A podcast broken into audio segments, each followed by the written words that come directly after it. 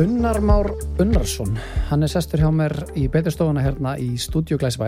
Uh, sjálfur heiti ég Númi og er þáttastjórnandi þáttarins uh, og þú ert að hlusta á hlaðvarpið Grandi 101 sem er hilsu og líkamsræktarstöð sem er staðsett á fiskislóð 49-51. Unnar, velkomin. Takk fyrir.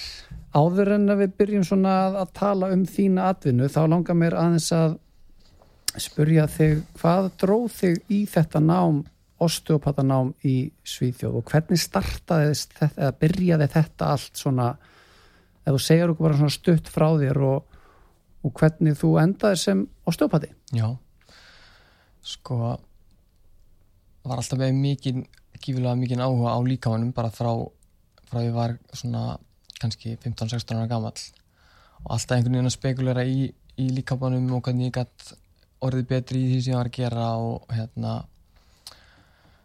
alltaf spila íþróttir í rauninni var ég körpbalta og fókbalta lengi framan af og hérna byrja í rauninni á því að fara í engaþjálfuran til svona aðeins að, sjá hvort ég þetta sé að ég sé á réttri hlið Já.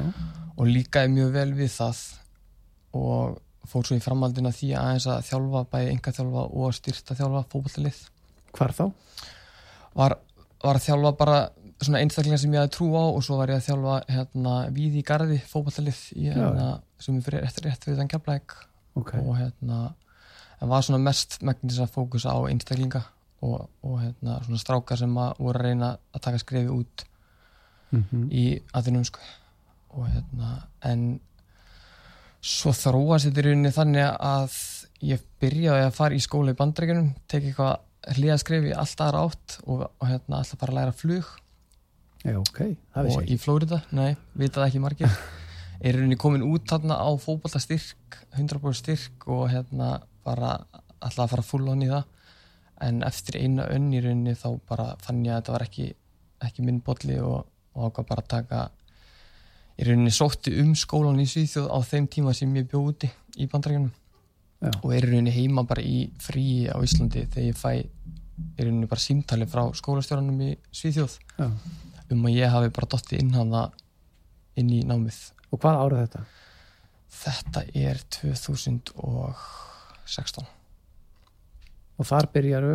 2015 fæði símtalið 2016 byrja ég í Gautaborg í Svíþjóð.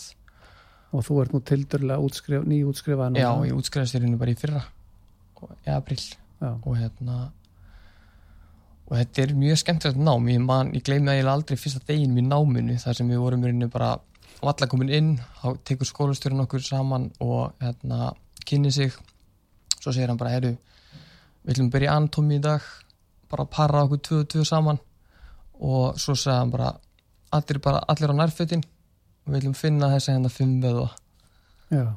Og þetta svona svona undirstreikaði svolítið hvernig þessi skóli var að Ok. hérna var alltaf í rauninni að það var bóklegt eitthvað anatómía eitthvað svoleiðis Mm. það var alltaf gert að verklega strax út af því að náttúrulega festist í gengur út á það og- já, langbest fyrir minni og bara einhvern veginn þreyfingin verður Já, strax já. miklu betri Já. þannig að þetta er svona leiðin að fæinu svolítið en ég glimti heila að nefna, nefna að hérna ég kynntist í rauninu osteopatiðin í gegnum mann sem að hérna var í Keflæk Pétur hétt hann, hann hérna Dóso því mér, Ok. bara blessu sér minning hans en hann alveg ég bara var að glíma meðsli í boltanum og var í rauninu búin að leita til allra sérfræðinga og hann hjálpar þér sem sagt hann hjálpaði mér bara á einhvern hátt sem ég skildi ekki sko. Já. og þarna á þessu mómenti ég gleymi aldrei ég bara, heyrðu, ég ætla að vera svona Já. og það ætlaði bara, úst, ég eldi það bara sko. Þá grípið þið strax út af því að þetta sko, núna er þú staðsættur á tveim stöðum, já, þú ert hérna hjá okkur á Grandandurænum mm og svo ert í Keflavík. Og þú ert hjá okkur á hvað, mándum með ykkur með föstum og það sem ég hef verið að, að við höfum verið að sjá er að, að það er fólk komið svolítið með svona hangandi kjálka bara, hva, sko ö, ö, þú veist, ég er búin að vera að díla við eitthvað annarkvort nýju auksl eða hvað það er baka Mhm. eða hvað það er og það veit í raunin ekkert hvað þú gerir en, en þau verða betri. Já. Þannig að næsta svona topic hjá mér hvað er osteopati? Hvað er, þú veist, allir vita hvað nikkjarar eru. Það er allir vita hvað nuttar eru, það er bara hérna kökukeflið og, og mikið vöðvana nálastungur og, og allt þetta. En, en hvað gerir osteopati? Osteopati er svolítið svona mitt á milli, myndi ég segja og í rauninni eru nýkingar og nutt, úst, eitt af okkar verkfærum eins og ég kalla það en þetta er í rauninni ef ég hætti að lýsa fæinu þá er þetta í rauninni fag þar sem við erum að einbytta okkur að stóðkerfinu sem eru vöðvar, liðir og ryggur Mm. og við erum með rosalega breiðan banka verkfærum í rauninni til að vinna með Mm. og okkar í rauninni markmi er í rauninni alltaf að við erum að reyna að hafa góð áhrif á taugakerfið blóðurásakerfið og hérna það er náttúrulega bara hver og einn einstaklingur sem kemur inn er mismöðandi verkefni og við horfum alltaf á hvern og einn sem hérna veist, bara sér verkefni við erum aldrei eitthvað að bera saman einn og einn en hérna markmið er alltaf að fá jafnvægi í þessi kerfi. Já, og þetta er ógislega flókið að útskýra Já, já. en þetta er þessi heildranna nálgun sem ég er að reyna að tala um líka. Já, það er ekki bara, þú veist kemur inn með verk í læri, það er ekki bara nutta lærið, veist, það er svolítið þessi heildranna nálgun og þá er ég að tala um skoðum líkamstöðuna við erum að skoða þú ert hvernig mikið að greina og skoða þú veist til dæmis, ég veit þú ert með göngubretti eða hlaupabrettinni og, lætur fólk lappa og, og þú sérð kannski svona, veitu nú þarna er eitthvað aðtilsvært að hún beiti sér svona, það er svo mikið sem spilar inn í sko. já, það er mjög gott að nota veist, þegar fólk er kannski búið að mistiða sig eitthvað svo og maður sér strax að það er í rauninni komið svona compensation pattern já, sem á íslensku er í rauninni bara einhver beiting sem við breyst og er, þarf að leiðandi að taka sig út annar staðar í staðin mm, og þetta er einn af þessum mörgum hérna, hlutum sem við erum að skoða. Þú veist, við erum að skoða frá lí, hana, andlegri heilsu, líkamlega heilsu mm, mataræði, mm, hvernig er svefnin. Og eins og núna þú veist, yfir þessa COVID-tíma það sem ég sé rosalega stert í fólki er að það er hátt stresslevel. Mm, og herðar er alltaf upp í hálsi svolítið. Mm, margir að díla við þú veist, þetta hérna klassíska vöðabólgan mm, við erum rosalega við erum sitja svakalega mikið og það er eitthvað svona, ég byrjar að kalla þetta bara COVID munstur já, og það er raunin bara stuttir hipflexurar sem eru fram á lærisvöðarnir og, og sóas og iljakus mm, og í staðin eru við að fá verki í bakið. Þannig að þetta er rosalega algengt munstur ég held ég sem segi þetta á hverjum degi síðustu svona þrjár vikur já. við einhvern sko. Sem, Sko, ég, ég hugsa svolítið sjálfur, nú er ég náttúrulega með einhvað þjálfun og, og stend í stend í hóptímum og svo leys og er búin að þjálfa lengi vel. Uh, ég horfi svolítið á líkamann eins og ying og yang merkið sko. að, að það er, verður að vera balans ef við getum krótað inn að línu já, og þá er alltaf, ef þú er illt hérna, þá verðum við aðtöfa hvernig er það fyrir framann, ef það er illt í bakinu hvernig er sóasvæðnir að þér? Og, og líka sem ég hef lært kannski ef, að, þú veist, ef þið er illt í hnénu Mhm. hvernig er öklun ára og hvernig er mjöðminn á þér? Alveg, þú veist, þannig að maður þarf að, að, að leita að þessu, þetta er ekki bara alltaf að trýta það sem að sem það sem verkum er. kemur nei, það er akkurat þannig. En til dæmis ef að þú færð ef ég kem til þín Mhm. og, og hérna fyrsti tími, hvernig, hvernig virkar þetta? fyrsti tími er rauninni viðtalstími en það er, það er líka að fara í greiningu en Mhm. hann er lengri, hann er 45 mínútur og í rauninni fyrsta sem við gerum er að, er að ég er með skjál fyrir fram með það sem ég tek niður allar helstu upplýsingar og er þetta mjög persónlegar upplýsingar alls ekki persónulegar en, en, en þú veist, þú ferði svefn og ferði kannski ég fer í svefn, ég fer í, í rauninni út með verk, hvernig byrjaði verkurinn? Kom hann við högg eða gerðist þetta hægt rólega? Er eitthvað ákveðið sem að hérna, hefur áhrif á verkin meir en annað? Er eitthvað sem léttir á verknum? Þannig að þannig er ég að taka niður svolítið svona mikið upplýsingum og er rauninni að reyna að komast Já, að já. niðurstöðinni strax á blaði. Mm, en hérna það náttúrulega gerist ekkit alltaf sko. En stundum sé maður eitthvað munstur sem maður hefur séð áður og þá svona ef maður með einhver hugmyndum hvað geti verið að verið vandamálin sko en svo eftir rauninni er ég að fara að nota í bæklun og próf og ímislegt annað til þess að reyfi greina einstaklingin ok, og það er leiðandi oftast næja undirstryka hann í fyrsta tíma hvað er að já. er og að svo trufla. það er 45 mínútur cirka já, og svo eftirfylgnin er þá? Eftirfylgnin er, er 30 mínútur. 30 mínútur. Já, og þannig að er hver einn hún er alltaf inni hjá þér 30 mínútur. Já, en Það þetta er, er- er góðu tími Það er- og geggjað sko. það er gott við þetta er að veist, við erum alltaf að gefa okkur tíma í og í rauninni hvert skipt svo kemur þó við vitum nokkur neginn hvað er í gangi þá vill ég kannski sjá þið aftur framkama eitthvað Mm. sem gerði síðast til þess að Mm. sjá munin á þér og, og ég ven mig oftast á að reyna að gefa fólki heimaæðingar Mm, það er sem ég ætlaði um að byrja um Já. næst sko, þannig að þá sé ég í rauninni strax þegar kemur næst þetta viku hvað þú sést búin að gera já, eitthvað ég sé það strax og hérna puntaði hjá mér já.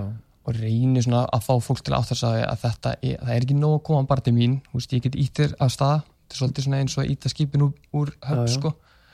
En þú verður að taka þátt líka og, og viðhalda, Mm. þú veist. En nú ert á tveimur stöðum uh, Keflavík og hjá okkur að granda. Þú veist, hvernig fólk er þetta? Er þetta bara alls konar fólk sem er ekki í reyfingu og svo fólk sem er á bara alveg elit alveg, sko, ég myndi bara segja alla flóruna, sko. Ég held svona, já, ég held fyrst þegar ég var í náminu, ég svona, já, ég ætla bara einbytta mér í íþróttamönnum og, og svona, kannski út að ég var þar og en ég myndi segja ég væri bara örugglega meira, meira með almenningin heldur en Já, einhverja svona topp íþróttamenn, sko. Já, alveg frá unga börnum og upp í, upp í ég meina nýra hérna á grandan já, ok. Þannig og þú ert líka búin að vera að hjálpa börnum með það ekki? Jú, segðu okkur aðeins, hvað, hvað er Sko, þú veist, með börnin ég hef rosalega gaman að því og það er svolítið hérna, það gleymist að erfiða fæðingar og, og hérna, meðgangan getur haft í svona slæm áhrif á börnin líka. Mm, og maður sér rosalega svarta hvítu þegar maður er að meðhandla börn og mamman finnur að líka veist, munin á grátinu sem er veist, ég vil mjólk eða grátinu mér er illt sko. Mm, og það er eiginlega magna hvað hérna við erum mest að, eða ég er mest að vinna með svona rólindis aðferðir á börnin fyrst sko, sem er. Sem eru rauninni svona eins og við kallum höfubeina og Já, já, spjaldriks já, meðferðir já.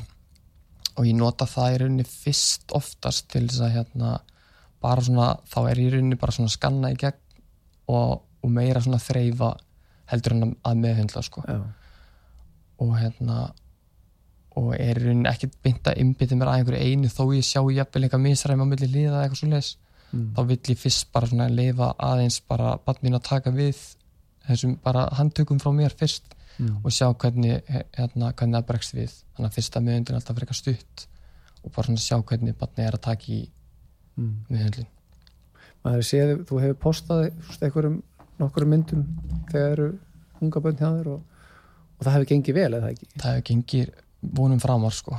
Og ég, ég hef verið að fara bæði heim til fólks og svo hef ég verið að fá á stóðunartum mín sko. Já, og mér finnst það svona, ég var aðeins að fara heim til fólks á tíma þar sem ég var kannski að fá inn bara mjög ung já. þá hérna líður um kannski best bara í þín, sínum aðstæðum sko.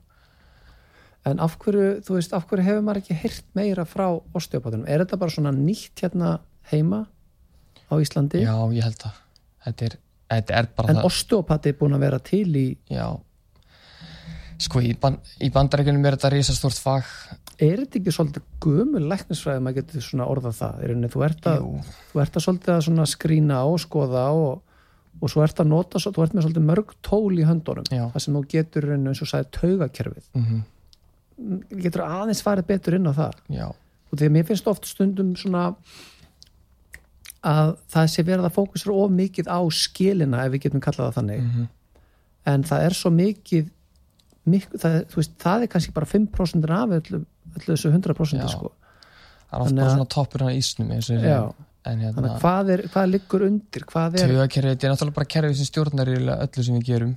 Og eins og þú veist sjálfur að, hérna, að við erum með tvö kerfi undir þessu taugakerfi sem er í rauninni parasympatíska kerfið og sympatíska. Og það sem að hérna, sympatíska gerir þetta er rauninni drive kerfið okkar. Eða þetta er kerfið sem kemur í gang eða úr í hættu til dæmis að þá er þetta kemur ljónið Já, ljónið sem við erum alltaf að tala um og hérna, þetta kerfi er rauninni að spýta út í blóra svona hormónum og í rauninni bara, hú veist, augun er að hú veist, vika út og þetta er, þetta er kerfi sem að klárt undir, undir fæti sko. Mm. Og þetta í rauninni, eins og ég segi alltaf við fólk sko, þetta er kerfi sem á ekki að vera í gangi í daglega sko. En það er það sem er eins og þú kallar kannski þetta COVID-dæmi sko. Já, það sem þú sér það, það er, er grunn öndun það er, það er stress og það er axlir komnar upp. Þú veist, það er taugakerfi er svolítið að öskra Já. bara help me. Og hvernig, þú veist, ég menna þegar fólk kemur svona inn til þín, veist, hvernig teklar þetta? Ertu bara halleluja. Kenna þér að anda, hvernig gerir maður þetta? Sko ég hef vanið mig á það að hérna, ég útskýði fyrir fólki þessa hérna, fræði varandi tugagerið Mm. og ég tala um þetta fight and flight system sem ég var að tala um áðan Mm, og parasympatíska sem er runni rólindiskerfið okkar. Mm, og ég er ekkert að skafa hlutunum þegar þú kemur inn til mín og ég sé að þú ert bara allt og mikið allt og hátt uppi, mm, þá segi ég þér það bara. Mm, það er fyrsta skrifið mitt, ég bara heyrði þetta virkar svona og svona. Mér finnst þú allt upp- hátt uppi núna af hverju gerir, úst, gerir þú grein fyrir mm, eða ertu hissa þetta? Mm, og þarna finnst mér skemmtilegt að sjá úst, bæði viðbröð, sumir eru hissa sumir bara, ha, meður, og er ekki alveg svona, ekki eins og taka því, sko. Mm, og aðrir er alveg, já, úst, ég, ég er ekki hissa á því, ég var að missa einhvern nákominn bara og þetta og þetta gerist í síðasta mánu líka og bara mikið í gangi. Mm. Og hérna, hann er svolítið sálfræðingur í þessu líka sko. það er svolítið þannig sko. og hérna, ég er aldrei eitthvað svona að þvinga fólk út í að tala um hluti sem það vill ekki tala um. Já, en ég samt býð alltaf fólki upp á það. Þú veist, ég er svona í að því að, að það er já, út af því að þetta, þetta sem liggur á þér oft þetta andlega, það getur líka komið fram bara einfallega sem bakverkur eða verku einhver stæri líka maður sko. Já, þannig að það er svona það er þessi nálgun sem að er við fórum aðeins inn á hérna svona osteopati væri kannski svona gömul læknisfræði. Og því ég meina göm, fúst, hvað er gömul læknisfræði fúst. mér finnst til dæmis persónlega uh, við leita allt og mikið í í rauninni eitthvað svona plasturs meðferðir mm við förum til lækni, við fáum líf já, förum heim og allt er gott, allt, allt er gott. en áran veist af þá er lifið sem er að taka farið að valda aukaverkanum mm hefur þú eitthvað orðið var við þetta þú veist að, að, Alveg, að, sko. að sjá fólk sem er kannski komin á þrjú, fjögur, fimm mismunandi lif mm uh, út af því að í rauninni byrjaði það út af því að þeim var illt í þú veist, nénu ég er að sjá þetta mjög stert hjá mér sko. Og hérna mér finnst líka umræðan bara búin að hérna, orðin algengar í dag sko meðal almennings að fólk er líka að byrja að taka eftir þessu mm. í, í læknakerun okkar Mm. að það er ekki bara ég sem hefur ágjörð að þessu það er líka almenningurinn sem er byrjað að taka eftir þessu og það er einhvern veginn að myndast svona smá vantraust á milli fólks og, og læknast eftir hannar Mm. sem ég finnst ágjörðni fólk er að fara til læknis og er samt sem áður alltaf einhvern veginn með þessa hugsun á baku eira er, úst, er ég að heyra sannleikan hérna. Sko, ég, ég, ég, ég tek einmitt eftir þessu sjálfur sko. og ég held að það sem að almenn, almenningurinn þarf í rauninu kannski að fara að leita sér upplýsinga með er einmitt eins og fólk eins og ég og þú til dæmis mm þú veist, með reyfinguna með þá það sem þú gerir og svo er það til dæmis fullt af hérna holistic uh, læknum já, já, hér og þar og grasalæknum og allt þetta dóti sem er að ég er búin að sjálfur að fara og ég er búin að sjálfur að fara með, með hérna börni mín og, og það er bara alveg ótrúlegustu hlutir. Já, þú veist það sem ég til dæmis saga mín ef ég talast aðeins um börni mín þá er rosa mikið eyrnabólgu vesinn alveg bara, við, ég á þrjú börn og alveg frá þeim elsta og í, í það yngsta. Já. Og öll fóru þau sjö eða átta sinnum á, á pensilin mm og þetta var bara svona aftur.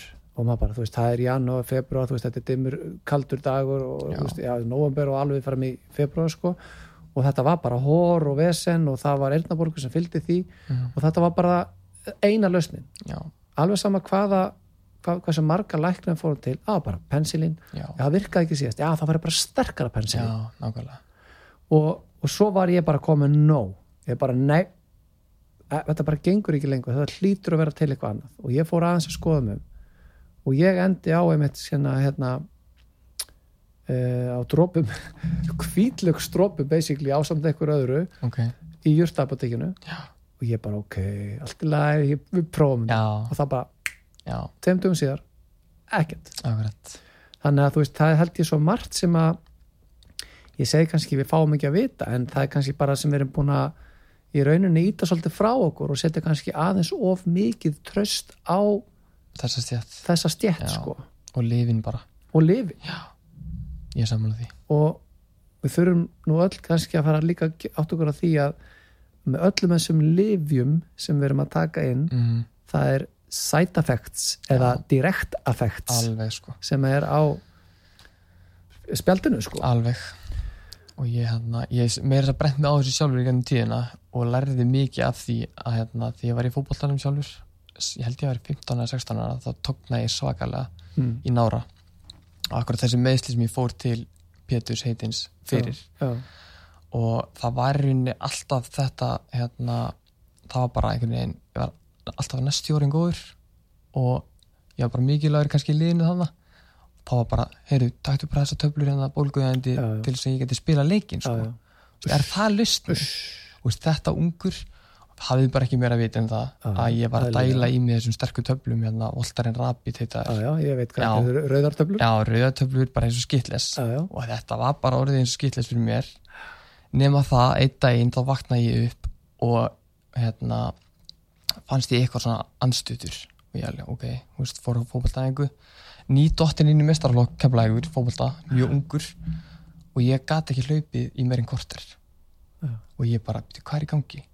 Og hérna, við erum að tala um að ég fekk bara svona eins og asmakast já, þannig ég fer, ég hef náttúrulega hefur miklar ágjur að þessu og fer til læknis, alveg læknis, eftir læknis og það vissi enginn hvað er í gangi. Mm, fyrir en ég fór í spiklun á maga. Mm, og hérna, það var bara fyrir tilvílun að frænka minn spurði bara, þetta er múlið að spiklaði magan mm, ég bara, nei, það er úst, ekkert pælt í því. Mm, það spekluður á mig magan og ég var blóður í magan já, og þeir sáu för eftir töflunar já, þeir spurðu mig eftir speklununa þú búin að taka eitthvað af svona hringlótum töflum? Þeir Vá. sáu farið sko. Ég bara, ég fekk þarna þetta moment þetta er eitthvað sem ég gleymi aldrei. Já, og þeir þarna skemmti ég að maga himnuna í maganum sko. Og eftir þetta er ég búin að díla við fáranlega mikið á óþólum og er, er mjög viðkami fyrir ákveðnum fæðitegundum sko. Mm, þetta er svona fimm ár síðan núna eða sex og hérna í dag er ég ágætur mm, en ég samt alltaf viðkamur hérna, fyrir ákveðnum fæðum sko. Mm, þannig að þarna bjó ég til mitt eigi óþól mm, og þetta er ástæðinu fyrir ég vildi líka segja frá þessu er að þetta er magnað úst, já, þetta sýnir svarta hvítu hvað þetta er að geta upp annað á meðan þetta kannski hjálpa einhverju já. ef það er að hjálpa þar sko málið er sko það sem þú ert að lýsa er orðið svo eðlilegt í dag Mhm. út af því að allar þessar töflur og að fólk fari bara til næsta læknis og fái eitthvað uppaskrifað mm -hmm.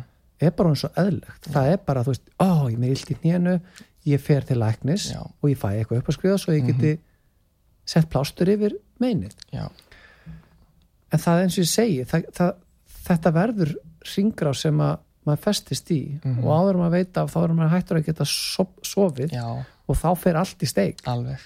Og það er þessi sem að þú veist, maður fer að, veist, hættan hann reyfa sig og maður fer að, þú veist, bæta á sig þyngd og það, það brotnar allt saman. Mm -hmm. í staðin fyrir það sem ég var að reyna að kom, koma, koma inn á þarna áðan með svona holistic lækningar og þess áttar að, að fólk í rauninni fari kannski að, að, grafa aðeins dýpra og þú veist, af, hverju, af hverju er mér illt inn hérna já, þú veist, er það kannski út af því að ég, þú veist, ég sit hérna, ég er strætisbílstóri og, og ég er með alltaf veskið í, í Hægri. hægri rasvarsunum, skilur og ég sit alltaf skakkur.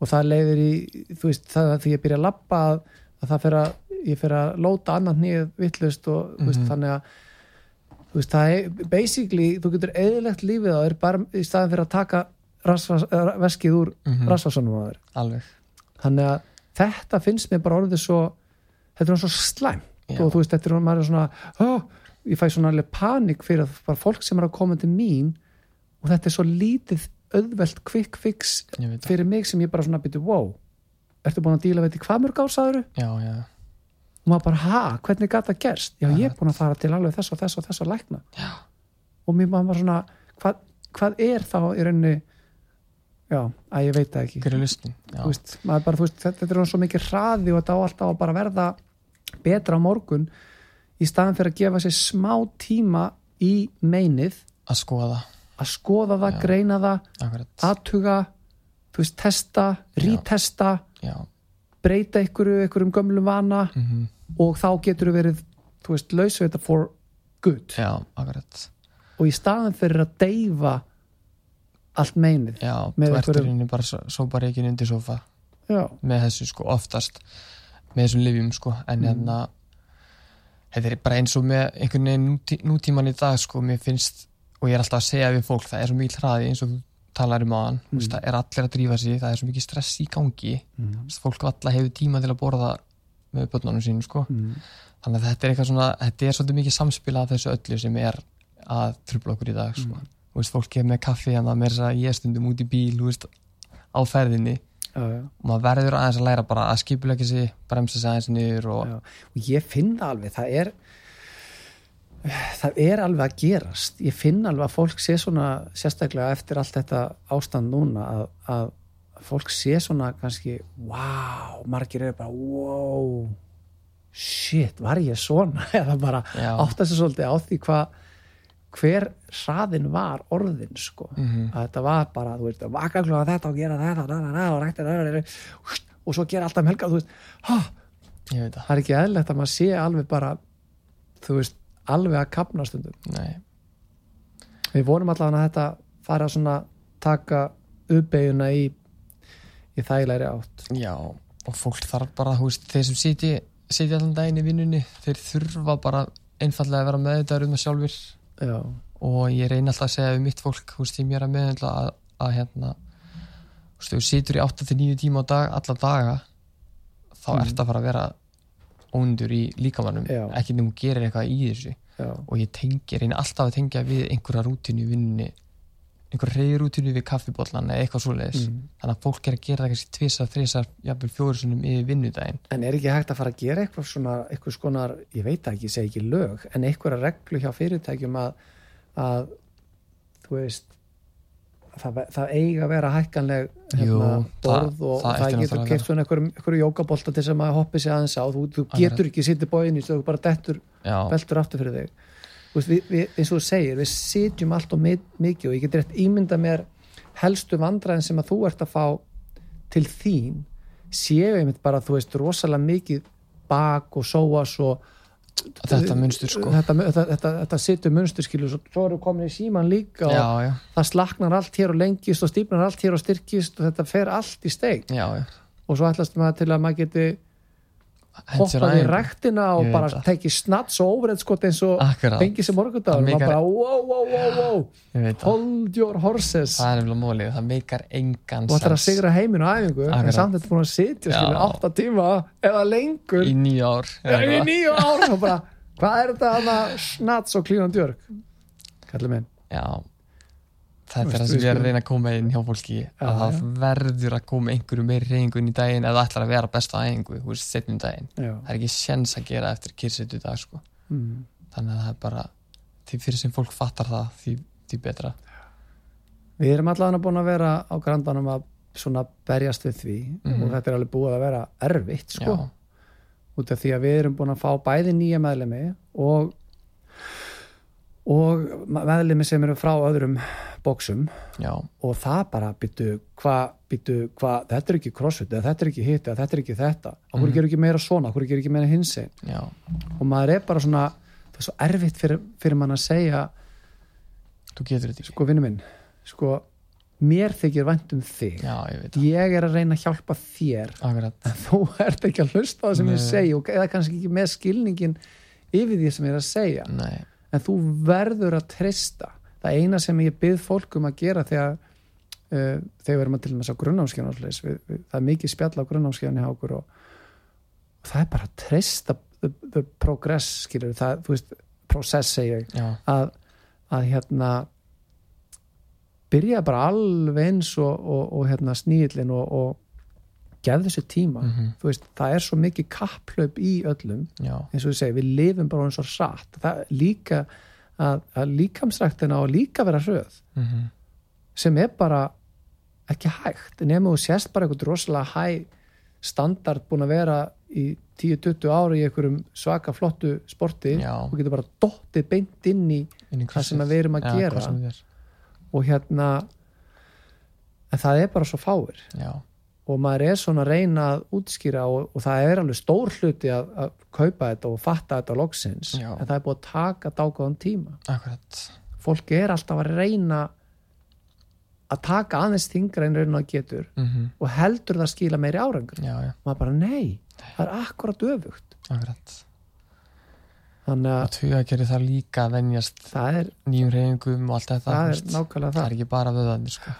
Maður þarf að leifa líka um að aðlagast því að, að halda stönga að priki fyrir ofan höfða á sig bara ná að skrúa axlirnar svolítið niður og Já, bara, rétt. wow, fá stabilitíð í axlirnar og, og þess aftar og ég held að það margir fundi fyrir þessu núna eftir COVID sko. flesti búin að vera heima án lóða og svona allavega ekki með mikið að lóðum og hérna svo Nei. allt í einu bara þetta er inn í rættina núna og, og henda á stöngina fullt að lóðum Já, það er samt rosalega gaman sko allavega, þú veist, nú tal- tala ég bara frá okkur sko, að, að sjá sko við vorum alveg mjög hörð á því hérna í byrjun bara, "Ah, nú ætlum við að byrja mjög já, rólega. já. og þú veist, ég proggaði þannig líka sko. Og svo svona, sti, svona hægt og rólega bættu við aðeins í. Já, en, en hérna uh, það er bara svo gaman að sjá að fólk sko kannski metur ekki endilega það sem að er með eða hefur fyrir en að það er búið að missa það. Nei, nákvæmlega. Og það sem ég hef séð svona í andlutum af fólki rosalega mikið núna síðustu hvað næstu í fimm vikur. Jú, fimm vikur er líka bara nákvæmlega í dag. Já, að hérna eða þegar þetta þegar þetta hlaðvarpi tekið upp uh, þá hérna þá þá er það bara svo þakklátt Mhm. fyrir að fá að vera allavega með þó að þetta sé alls konar höft og við þurfum að prógramera ekki eins og við erum vön að gera og við getum ekki gert allt sem við erum vön að gera og lalalala en allavega við erum Fáum að mæta. saman já, við fáum að taka á því og, og þú veist að verða betri og, og, og, og koma okkur í stand aftur alveg, það er bara þetta er bara mikilvægt fyrir geðhilsuna og maður sér það á fólki að það er rosalega ánægt með þetta sko. mm.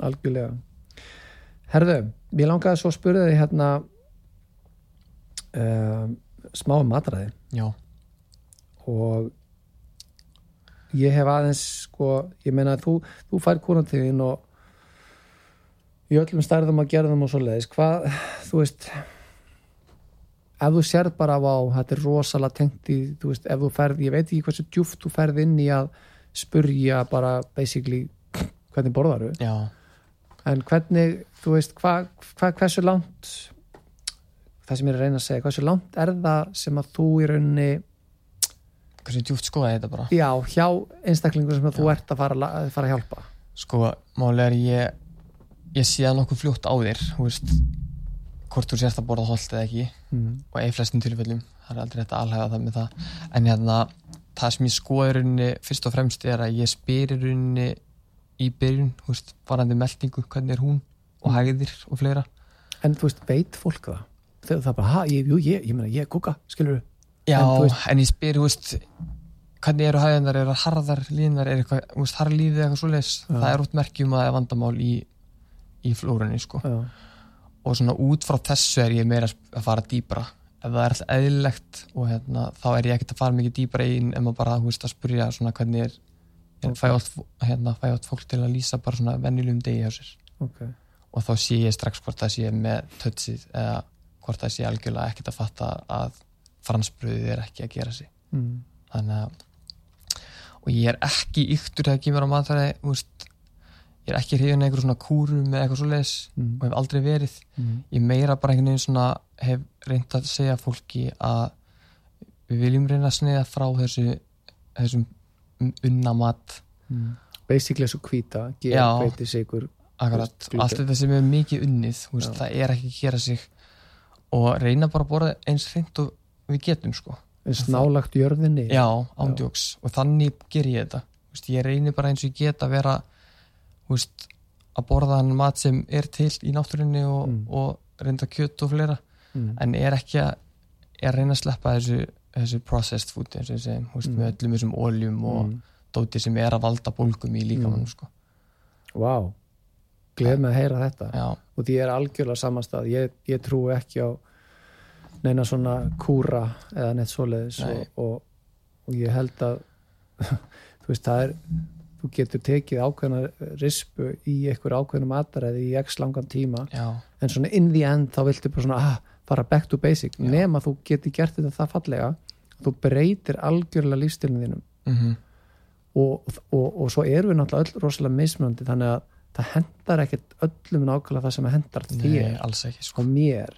Þannig að ég hef alveg prófað hitt og þetta, ég hef Mhm. prófað þess að vera vegan og ég prófað að vera þú veist, ég prófað pili og ég prófað keto og ég prófað allt þetta. Akkurat, og, og svo þegar maður fór svona aðeins að skoða þetta betur og, og, og trúðu mér það litla sem ég hef nú skoðað þetta maður í mörg, mörg, mörg, mörg, mörg ár. Og ég er alltaf að komast betur og betur að því að þetta er svo ótrúlega mismunandi eins og hversu mörg við erum sko. mm alveg. Og það sem ég reyna að gera persónulega er eins og þú segir að borða sem næst jörðinni, þú veist tína upp úr jörðinni og plokka af trjánum og, og veiða sjálfur fiskin eða þú veist, eins og þú veist, pappi, ég fæ fisk frá pappa, ég fæ, fæ, fæ hérna, lambakjöt frá mömmu og, og ég fæ geggjað uh, hakk frá sem ég kaupi nú bara í dag en nautahakk frá frænda mínum. Ok, og allt þetta er þetta ekki sprauta með, með bóluefnum með einhverjum, einhverjum já, drasli sko. Og þannig að ég veit að ég er að fá eins hreint kjöt og, Og ég mögulega Já. get. Og það líður mér rosalega vel með. Já, og svo er ég alltaf hægt og rólega þú veist við tökum eins og bara heima þá og tökum við svona stundum er þess að meira tveir eða þrý dagar á milli sem við fáum okkur þá eitthvað skonar animal product sko. Ok, og þá, þá erum já þú veist, þá, þú veist við segjum sem svo við fáum hérna við fáum fisk á mánundi mm og svo þá er það einhvern veginn græmmetis réttur á, á, Já, á já. hérna þriði, þriðudegi og stundum eins og miðvikudegi líka. Já, og við erum, við erum hægt að vera svona paranoid yfir að vera með að fá okkur rosalega máltíð hérna á kvöldin að sitja saman og svona. Mm stundum er þetta bara eitthvað bannapönnukökur og, og, og vínber og, og eitthvað svona þægilegt því að þú veist, in the end þá þurfum við ekki alltaf að vera alveg bara á blístri. Nei, nei, alls ekki.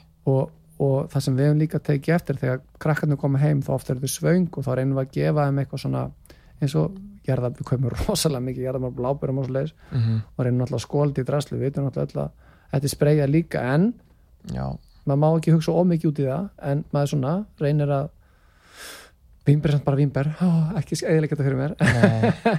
En hérna og jarðabær er bara jarðabær skilur Já. en hérna en svo þú veist þannig að svona emma ætlar að fara að elda eitthvað, leggja rosalega mikið metnað í eitthvað rosa eldamelskáli bara einn og hálfur tími farin og, og svo kannski borðaðu þú veist þrjá bit og þau eru satt skilur já, þannig að við erum svona, það er ekkert alltaf nei. en við erum orðið miklu meira svona flexible með í rauninni þessa hugsun að verður alltaf að vera hérna bara heit, heitur búf, alveg svona þú veist. Bara næringin kominn og hún sé góð.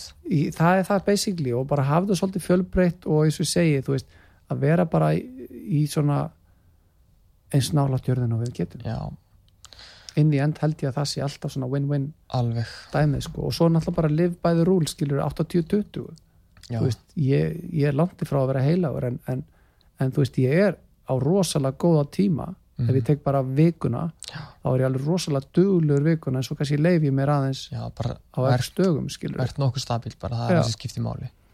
Og það held ég að sé svona í rauninni auðveldast að að fara eftir sko. Já, hmm. Þetta samla því að já, ég er mjög sammála þessu og ég er svona ástæðan fyrir ég sagði þetta á hann með engar öfgar húst, ég sé þetta rosa stert hjá mér fólk er kannski að spyrja mig varandi mataræði vill breyta til það virkar ekki að fara frá einum enda yfir í hinn húst, Mm. það, það virkar kannski einn af hverjum hundra sem næri því sko mm. það er svona verður bara eins og þú sagðir á hann að búa til lífstil hægt og rólega Mm. og þetta tekur tíma að breyta honum þú, þú lærir á leiðinni, þú mistíður út fyrir ramman og aftur inn og, og ég er búin að læra einmislegt, þú veist, á síðast ári og, og maður er alltaf að læra eitthvað nýtt sko. Mm. þannig að þetta er svona, svolítið eitthvað sem að, veist, og fólk er á því bara rosalegt því stabil maður þetta er ekki erfitt fyrir mig lengur veist, Mm. þetta er, ég er ekki að pína mín eitt mér finnst maturinn góður sem ég borða og ég er ekki heldur svona yktur, veist, ég Mm. leifi mér alveg að nota ímis ráðefni sem eru, þau eru oftast hérna mjög holl en það eru ostarnotaðar og ímislegt til þess að já. gera þetta gott Já, já, og þetta er ekki kjúklingurinn annað með sæti kartaflunum og, og valla með salti sko. já, já. þannig að þetta er ekki svona erfitt fyrir mann veist, ekki eitthvað fitness skurðninga Alls ekki. skurða það er ekki matur þannig. sko, nei, jésús það er að gera svo góða mat. En við eigum líka að vera góð í óljum og því ég held að það sé rosalega Já. margir hætti við góða óljur sko. Og það er það náttúrulega sem er kannski líka svolítið að hrjá okkur sérstaklega svona á, á dimmum vetra degi er að, að við erum öll orðin mjög þurr. Já, og ég vil nú meina það ef að, ef að, ef að húðin á þeir er þurr mm þá getur þú basically sagt þér að, að slímhúðin á þessi þurr. Já það er rúglega rétt við sko. Þannig að ég held að við séum að fá of litla olju í já. okkur. Og það Olíu, er til náttúrulega, við erum náttúrulega með lýsið og svoleiðis en, en við erum með svo margt annað eins og hörfræjólin og hambólin og já, og bara olífóljan og smjör og já, já, avokado og allt já, þetta. og svo náttúrulega bara þessar góðu fytur sko, Já. alveg bara, en þessi borða allt og lítið þessu í dag og ég sjálfur er með XM þú veist, eins og flesti vita sem þekkja mig og hérna ég er vestur á veitunar já en ég finna líka ef ég er duglur að borða þessar oljur, mm. drekka vatnar sem ég, ég oljur og vatn já, Já. þú veist, vatni gleymi ég bara stundum sjálfur, þó ég Já. sé sjálfur frá bara busy day í vinnunni áttakúnar eru kannski það þú vatnið verður að vera með vatn með þér sko. já, ég og, var bara þýstur þú sagði já, og það er þetta er ógustlega algengt, maður er að spyrja fólk er það að drekka nóg, það bara, "Æ, þetta gleymist alltaf einhvern veginn, það má ekki gleymast ég sé þetta svo svarta hvítu því ég gleymi þessu að ég er orðin eins og hvað róði framannstundum sko. galdurinn er í rauninni bara að finna sér eitthvað flottan brúsa eða flösku sem að maður bara reynir svolítið að hafa hjá sér, Já. alveg bara grimt og galið sko bara búa til rútinu Já. og til dæmis þegar maður fer í æfingu ef þetta sé hálflítur eða 750 eða hvað það er mm -hmm. uh, að reyna að alltaf að hugsa þegar æfingin er búin þá ætla ég að vera að búa með flöskunum. Já, skilur það á að vera þannig. Ég, allavega mitt motto á hverju æfingu þá er ég búið með flöskuna. Alveg. oftar en ekki þá bæti ég á hann. Þannig ég er alveg að drekka 1 lítir á æfingu. Akkurat. Sem ég held bara að sé allir eftir að gera sko. Akkurat, og ég held að flestir hefði gott að því að byrja daginn á því að drakka stór glasa vatni í staði fyrir að byrja á kaffinu sko. þannig að það er svona smá bónuspoint hérna sko. en hérna mér langaði svo við vorum náttúrulega í þessu mataræði og þú ert að fá fólk til þín og, og svoleiðis og við hefum nú kannski við sem, við sem þekkjum þig þú hefur verið svolítið að tala um orkudrykki já, hvað, hérna, segð okkur hvað er að gerast með þetta? það sem er að gerast með þetta dæsi hérna, nei hérna, ég er búin að vera svolítið mikið að tala um þetta síðustu örgulega tvö ár. Og þetta er náttúrulega orðin risastór yðnaður í fyrsta lagi. Stór bransi í heiminum og við á Íslandi við verðum stöður að skera okkur úr hérna alveg svakalega. Var, ég var til dæmis í hérna eins og í svo mörgu öðru held ég. Já, við erum svolítið einföld það er bara þannig. Það er bara nýtt, wow, allir fara þangað. Já, við erum bara þannig, það er bara þannig. Við erum 300 manns 350 og það þarf bara 10 manns til að gera eitthvað til þess að allir fari með sko. mm. og það er góð markasending í gangi Mm. sem er bara mikill peningur settur í já. og það er að vinna á móti okkur sem við erum að reyna að tala þetta niður sko. Mm. en auðvitað er þetta alltaf svona með allt í lífinu það er einhverju sem að promóta og aðrir sem er að veist, reyna að tala vitin fyrir fólkinu sko. en það sem máli er að það er allt og mikið að ungum krökkum að drekka þetta og eins og ég hef sagt við því ofta veist, það er alltaf lægi að fullur fólk fá sér eitt svona drikk á og til Já, já. En svo þetta er- þessi orðum partur af því til þess að geta drölla sig fram á bælinu akkurat, þetta er orðið þannig samt sko. já, ég menna, maður ma- ma ma- sér þetta allstaf Já, og maður finnur líka bara einhvern veginn þetta er held ég bara það mikið að einhverju svona þetta tóðar svakar fast í maður finnur það alveg og við höfum örgulega báðið fundið það, þú veist, þegar maður fær sér svona drikk, Mm. hann er góður á bræði mm. og einhvern veginn næsta dag ef þú fær í búina þá horfir á hann drikk og Mm. veist, hann það er eitthvað, svo fast það er eitthvað stemning í kringum það sko. Það er bara, úf, og svo líka held ég að sé búið að veist, þetta er orðið tísku fyrirbæri sko. Já, það er nefnilega er- máli það er búið að setja svo mikið að svona superstars Já, það er máli að, að, að fólk sem að wow, lítur upp til og bara wow, veist, þau eru að drekka þetta og, og Akkurat. ég að fara að drekka þetta líka þá Já. verð ég svolítið í tískunni líka þetta, þetta er er, bara eins og út við buksunar heptíumbilinu skilur það er nákvæmlega þannig þetta er þannig og eins og þú segir, það eru bara það stóri karakterar komnir í, í spilin hana mm. sem að fólk er að horfa upp til Mm. og það hefur náttúrulega gífulega áhrif á svona litlu landi eins og okkar og það held ég að sé svona aðal, aðalmáli en hérna fólki er held ég ekki átt að því hvað þetta hefur slæm áhrif á okkur En-. En það, þegar þú ert að fá fólk til dæmis alveg hérna bara í, með stöttu öndun og axlir upp að eirum og þú veist að kapna stressinu þá spyr ég þá spyrir Já, þú alveg. Ég, ég er mjög ánægðar að tala um það að það eru öruglega svona tíu manns á síðust ári hjá mér í miðundi sem eru bara hættir að drekka orkudrykki Mm. út í því að ég bendi þeim á það. Veist, Ég, ég segi aldrei ég, þú verður að hætta. mm. Ég segi þeim af hverju ég myndi vilja sjá þau hætta og sérstaklega veist, að tala, veist, ég sé rosalega mikið af fólki sem er að díla að kvíða og fleira. Þú þá er ekki bara íta, skrúa er allt bara- í botn alveg Þetta er bara bara eins og að henda, henda eldspýt á, á hérna, bensín sko, Já. bókstaflega. Þetta er bara, þú veist, Eða bensín og eldin, hvernig sem að Nei, hvernig sem bensín og ára eldi, já. Ég veit það ekki já, hvað var. akkurat, þú ert allan að fýra vel upp í Já, þessu. já, og þetta er bæði að valda þér óþægindum í maga og ruggla í þarmaflórunu já, út af þessu rosalega sírusti og, og sætu í Mm. þessu. Og svo er þetta líka koffinni magni er að kveikja ennþá meira í sympatíska kernuðinu sem Mm. flest okkar við þurfum ekki meira gas þar sko. Já, þannig að og það er gaman að fá skilabóðin frá svona einstakling bara wow, ég er búin að vera hættur núna í þrjár vikur og ég finn gífulegan mun á mér sko. Mm. þannig að mér finnst alltaf gaman að maður nær þessu sko. En það er en að segja.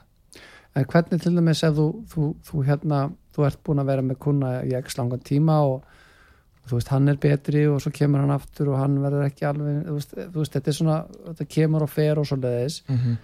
þú veist, ert þú maður með mönnum og segir bara, veistu hvað, ég, þú, þú getur komið til mér hérna annars lagið, en Mhm. ég vil að þú, þú fari lengra og, og lítir á þennan og, og þennan og þennan og Já. gá hvort að gefur fólk frá þér til þess að, Já, ég hef haft það svona fyrir venju að hérna, ég vil helst ekki útbýta svona klippikortum á fólk sko en Nei. hérna, ég vill losna við því, þó þessi skrítið að segja. Mm, nema á sérsta koma til ég er með nokkra kuna sem eru þeir vita að þeir eru í andlega þeir eru í vinnu eða líkamlegri. Mm. og þá er þeir í rauninni að koma til mín mánaðarlega. Basically bara svona leiðrétta sig Já. aðeins eða ekki? Bókstala bara eins og að fara að smyrja bílinn já, út þú ert að keira meira. Já, já, en svo ef ég er bara með því einhvern svona freka basic kuna sem er með bakverk mm. og ég er bara ekkert að fikra út úr Nei, þá er í rauninni bara eftir 6-7 tíma eða ég vil færri, Mm. þrjá fjóra ef það er engin bati, mm.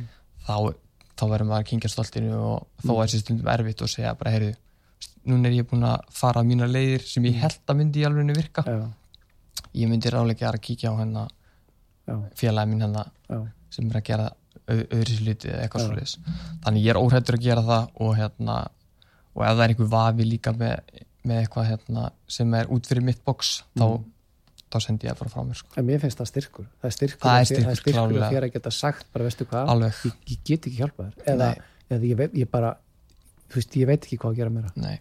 bara, sorry, Það er styrkur í því, ég er alveg og samanlega ég held að það, það, fólk fá alveg, wow, respect þannig að ég held að við séum svolítið svona upp til hópa svolítið hrætt við að segja bara, að þú veitir ekki að ég veit ekki Já, ég bara veit það ekki. Ég veit það það hefði komið hjá mér til dæmis bara í, í líkansættinu að fólk er að spyrja mig eitthvað og ég bara, wow það, veistu hvað, ég bara veit þetta ekki en ég, ég þú, þú, þú búin að kveiki eitthvað hjá mér, Já. nú vil ég fara að vita, koma staði, skilur Já, það er bara góða já, er að að það ítir þér lengra. Já, þú fer að skoða þetta, ég spyrja félag já, já, hefur þú lent í einhverju svona?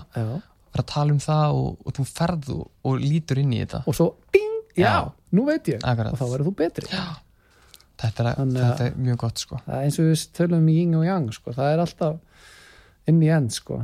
Já, og ég man eftir tilfinningunni fyrst ég var að byrja þessu, ég man eftir tilfinningunni því ég var ekki að ná árangri.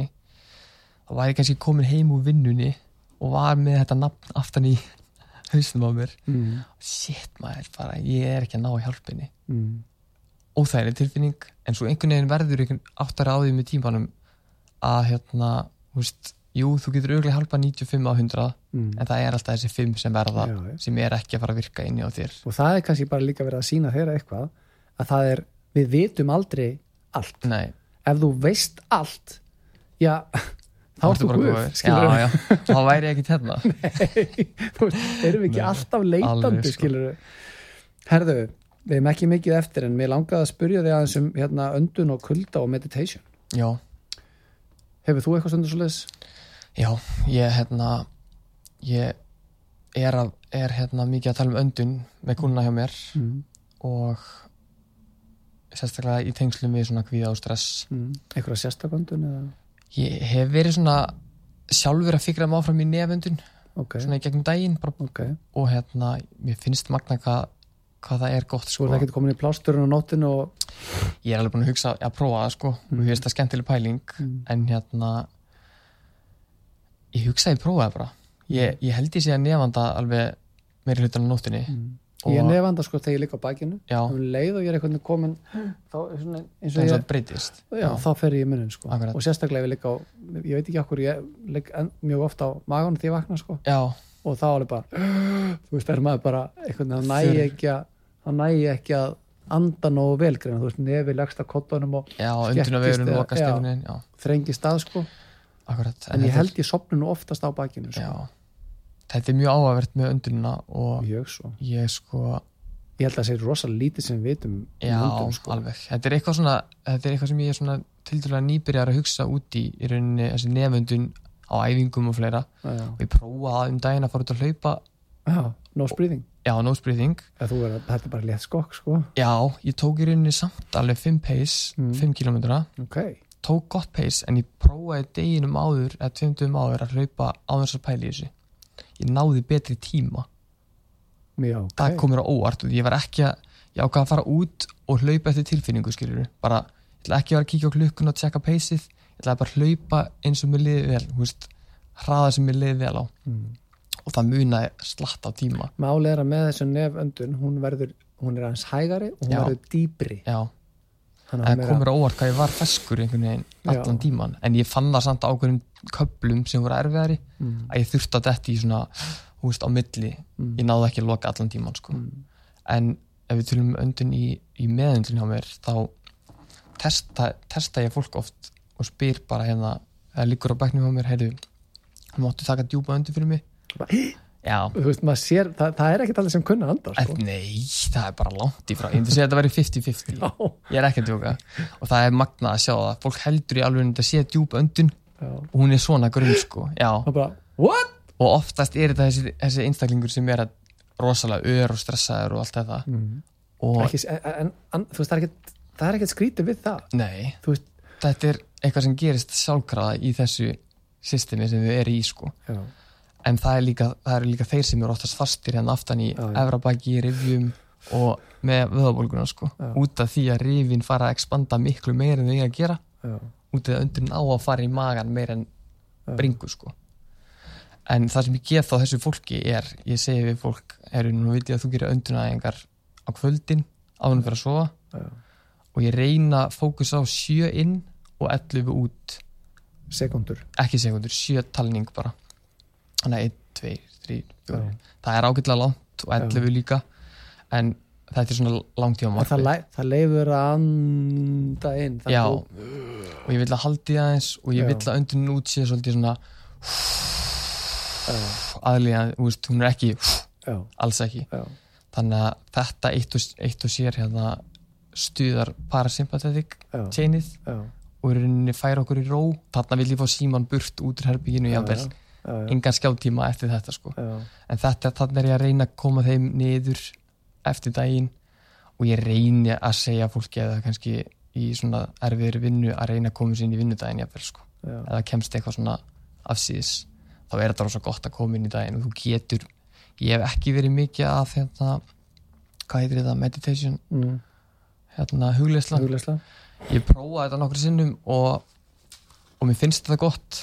Mm, en hérna, ef ég var hreinskilin þá er þetta svona kannski eitthvað sem ég ætla, ætla mér að gera meira af. Mm, og, og hérna, það er kannski 2021 svolítið árið í það. Mm, en ég hef alveg ekki beint fyrir að benda fólki á þetta en ef það hefur verið að gera það og líðið vel með það þá má það blanda í með önduninu sko. mm. ég, tel, ég, bæði, ég semst geri ég geri svolítið svona Wim Hof öndununa já, rosa powerful og fyllir mig á lofti bara dú, því ég er alveg meðvitaður um öndununa mína sko. og hérna ég tek kaldar stur- sturtur og ég fer þú veist í kaldapottin í hérna, í, þú veist ef maður fer í sundlegin og svona og, og reyna að taka allana svona helst tvær myndur, stundum þrjár myndur.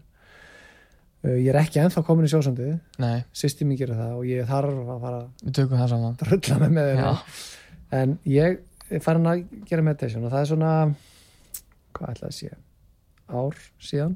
Ok, og já meira, eitt og hálft rögla og ég hérna finn alveg svakalega mun. ok. Og ég reyna að gera það svolítið þegar uh, ég búið með öndunina. Já, ég tek öndunina og þá er maður alveg bara wow og þá tek ég, fyrir bara, já ég er allur rólegu bara já, og svo bara og þetta, þetta stundum er þetta ekki nema bara fimm mín stundum er nákvæmlega. ekki bara, na, veist, ég er bara góður. Já, en stundum bara, búm ertu bara komin í svona lokk. Eitthvað sól bara já, og alveg bara þú bara svona sónar út ert þetta svo svona nokkurn veginn mitt á milli á vöggu og, já, já, já, og svepp sko. Akkurat. Og það er rosalega þægilegu staður sko. Já. En ég held að það sé líka mjög mikilvægt í þessu huglegslu ferli að vera ekki eitthvað, þú þarf að taka 15 mínútur á dag Nei, þetta á ekki að vera stress þetta á ekki að vera frí- bara, já, þú veist, já, ef 5 mínútur er nóg fyrir í dag Já. það er það bara gott Já. þú veist, að leiði vel eftir þessa 5 en ef það er 20 á morgun þá er það bara frábært. Já. en ekki, Jú, algjörlega og líka bara kannski bara dokra aðeins við og bara ah, ok, ég er hérna. Ég, veist, ég er hérna inn í mér, ok, let's go. Þú veist, Mhm. þetta voru 5 sekundur já. Oft þarf bara fólk að vera meðvitað um í rauninni já, en það sem ég gerir líka svolítið svona í bland ef ég kom inn á svona öndun og, og þetta já, að hérna stundum ef ég er með fólk sem er kannski með eitthvað djúpan verk í baki eða eitthvað svolítið, þá byrð ég stundum fólki um að herri, nú ætlar þú að anda inn í verkin þinn. Já, já, og það er alveg haka já, beindu loftun inn í verkin já, og það er magnað að sjá húst, hvernig það húst, húst, hvað, ok, ok. En það, það er eins og það sem maður er að gera þarna er að maður er í raunin að fá heila stöðanar til þess að skoða aðeins betur þetta svæði. Mm, og ég húst, segja til fólk bara ég er í raunin að senda fleiri hermenn að það niður núna mm, til þess að tjekka á Mm. stöðinni mm. og það er það sem gerist automatist Mm. þetta er bara eins og með, með, með blasju hérna, Þarna ertu komin í gömluleikninga já, Alg, með blasju á bók hérna. Já, og nú ætlum ég bara að hæla þetta þessar þrjóla línur. Já. Það er það sem ég er að gera þarna á líkamannum veist, bara andaðin í verkin inn mm, og það er hérna ít honum svo út líka. Og þetta virkar, það er bara þannig þú veist, með hérna inn með skilur ró út með stress. og, og ég heyrði nú eitt orða til orða hugtak ekki fyrir svo lengur síðan að allt sem þú átt er já, og, það meika svo mikið sens því Mhm. meira sem að fyrir að pæla í því sko. Og hérna ég held að andadrátturinn eins og ég sagði á hann að við við vitum fullt en við vitum alls ekki allt. Nei og ég held að við ættum öll að taka saman höndum og reyna að vera betri að anda. Mm og hérna að læra að anda út af því að það nýtist þér allstaðar já, það lækkar allt streitu allt þetta dót sem að er við erum að díla já, við. Akkurat. Ég held að við þurfum ekki að fara eins oft í heimsók til læknisins sem við erum kannski ekki búin að tala rosalega vel um í dag en, en nei, svona- en samt ekki dýtla heldur. Nei, þetta er bara þú veist, við, við, við, við getum ekki verið án þeirra. Nei, ég menna ef ég lendi í bílslis og hendina á mér að detta af veist, Já, þá, þá, þá, ringi ekki hérna ringi ekki unnar. Ekki, unnar, getur akkurat. andað alls getur ekki. andað hendina á mér Nei, ég er að segja það. Þannig að en, en ég held líka við erum bara að vera forvitin um, um ef við getum kallað það gömlu læknisfræðina skilur, Já. að, að hérna, nota öndun og nota kulda og, og reyfingu og holistik og jurtir og, og allt þetta dót já, bara allt sem kemur að, að þessari líðan í rauninni, það er klálega þannig. Já. eins og við vorum að matraðin á hana food is medicine. Medicine is- food. Já, herðu, við erum búin að takla rosalega flott hérna og við held ég þekkjum þigunar tölvert betur en, en við byrjuðum. Já, og ótrúlega flotta sem vart að gera og bara haltu áfram á þessari braut og myndu bara aldrei að hætta að læra. Nei, það er nefnilega máli það er gott með þessi 5% maður bæti sér alltaf. Alltaf sko, maður er opið fyrir því líka. Um leið og maður þykist vita allt þá maður að hætta í því, í því sem maður er að já, þá ertu, þá ertu líka bara að fara að stoppa sko, þá ertu ekki að fara að bæta nýtt við þig sko En hvað hérna til þess að fá upplýsingar um þig? Þú veist, hvar, hvernig hvernig ef fólk vil ná á þig og svoleiðis, hvernig, hvað gera það þá? Herru, ég er með heimasíðu þar sem ég er unni bara með bókunarkerfi sem er ótrúlega einfalt. Það heit, síðan heitir osteo.is osteo já, o-s-t-e-o.is og það hérna það var sett upp með, með það baka eira að allir kemist í gegnum það gegnum bókunarkerfið ok, þannig að það ok. er mjög, mjög einfalt. en svo hef ég verið á Instagram aðeins undir bara ostu og heilsumiðstöð. Mm, hef verið að setja inn svona ímis, konar fróðleik og í rauninni bara það sem er ég reyna að tala mest um bara það sem ég sé gegnum daginn að mér. Mm, hef reyndar ekki haft mjög mikið tíma í það svona upp á síkasti en hérna langar að gera meira að þessu. Mm, og ég er ekki að þvinga mér út í einhverja umræður, ég meira bara svona wow, ég er búin að sjá sex manns núna á Mm. tveim vikum alla eins. Mm, ég ætla aðeins að segja fólki frá þessu og hvað getur gert til þess að, skilur geggjað. þannig að mér finnst það skemmtilegt og það er svona það reyði við fólki líka. Ég er að tala um alls konar inn og ég tala um rúm um daginn, ég var að skipta um rúm. Mhm. það er mjög hérna, áhugavert. Ég hefur, hefur að koma inn innlegg í skóm. Og alls konar svona sem fólk er mjög óvíst með þarf mm, þannig að og skapa svona smá umræðan inni. Mm, geggjað. Osteo.is osteo.is, osteohilsumunstu ég er inn á Facebook og Instagram. Og Instagram það er þá? Það er bara sama, osteohilsumunstu ok, okay. herðunnar takk kærlega fyrir spjallið. Já, takk hérna fyrir að fá mig. Bara alltaf gaman að, ræða um heilsuna og allt þar á milli. Að lífa tilveru Já. Ha det godt. Som les.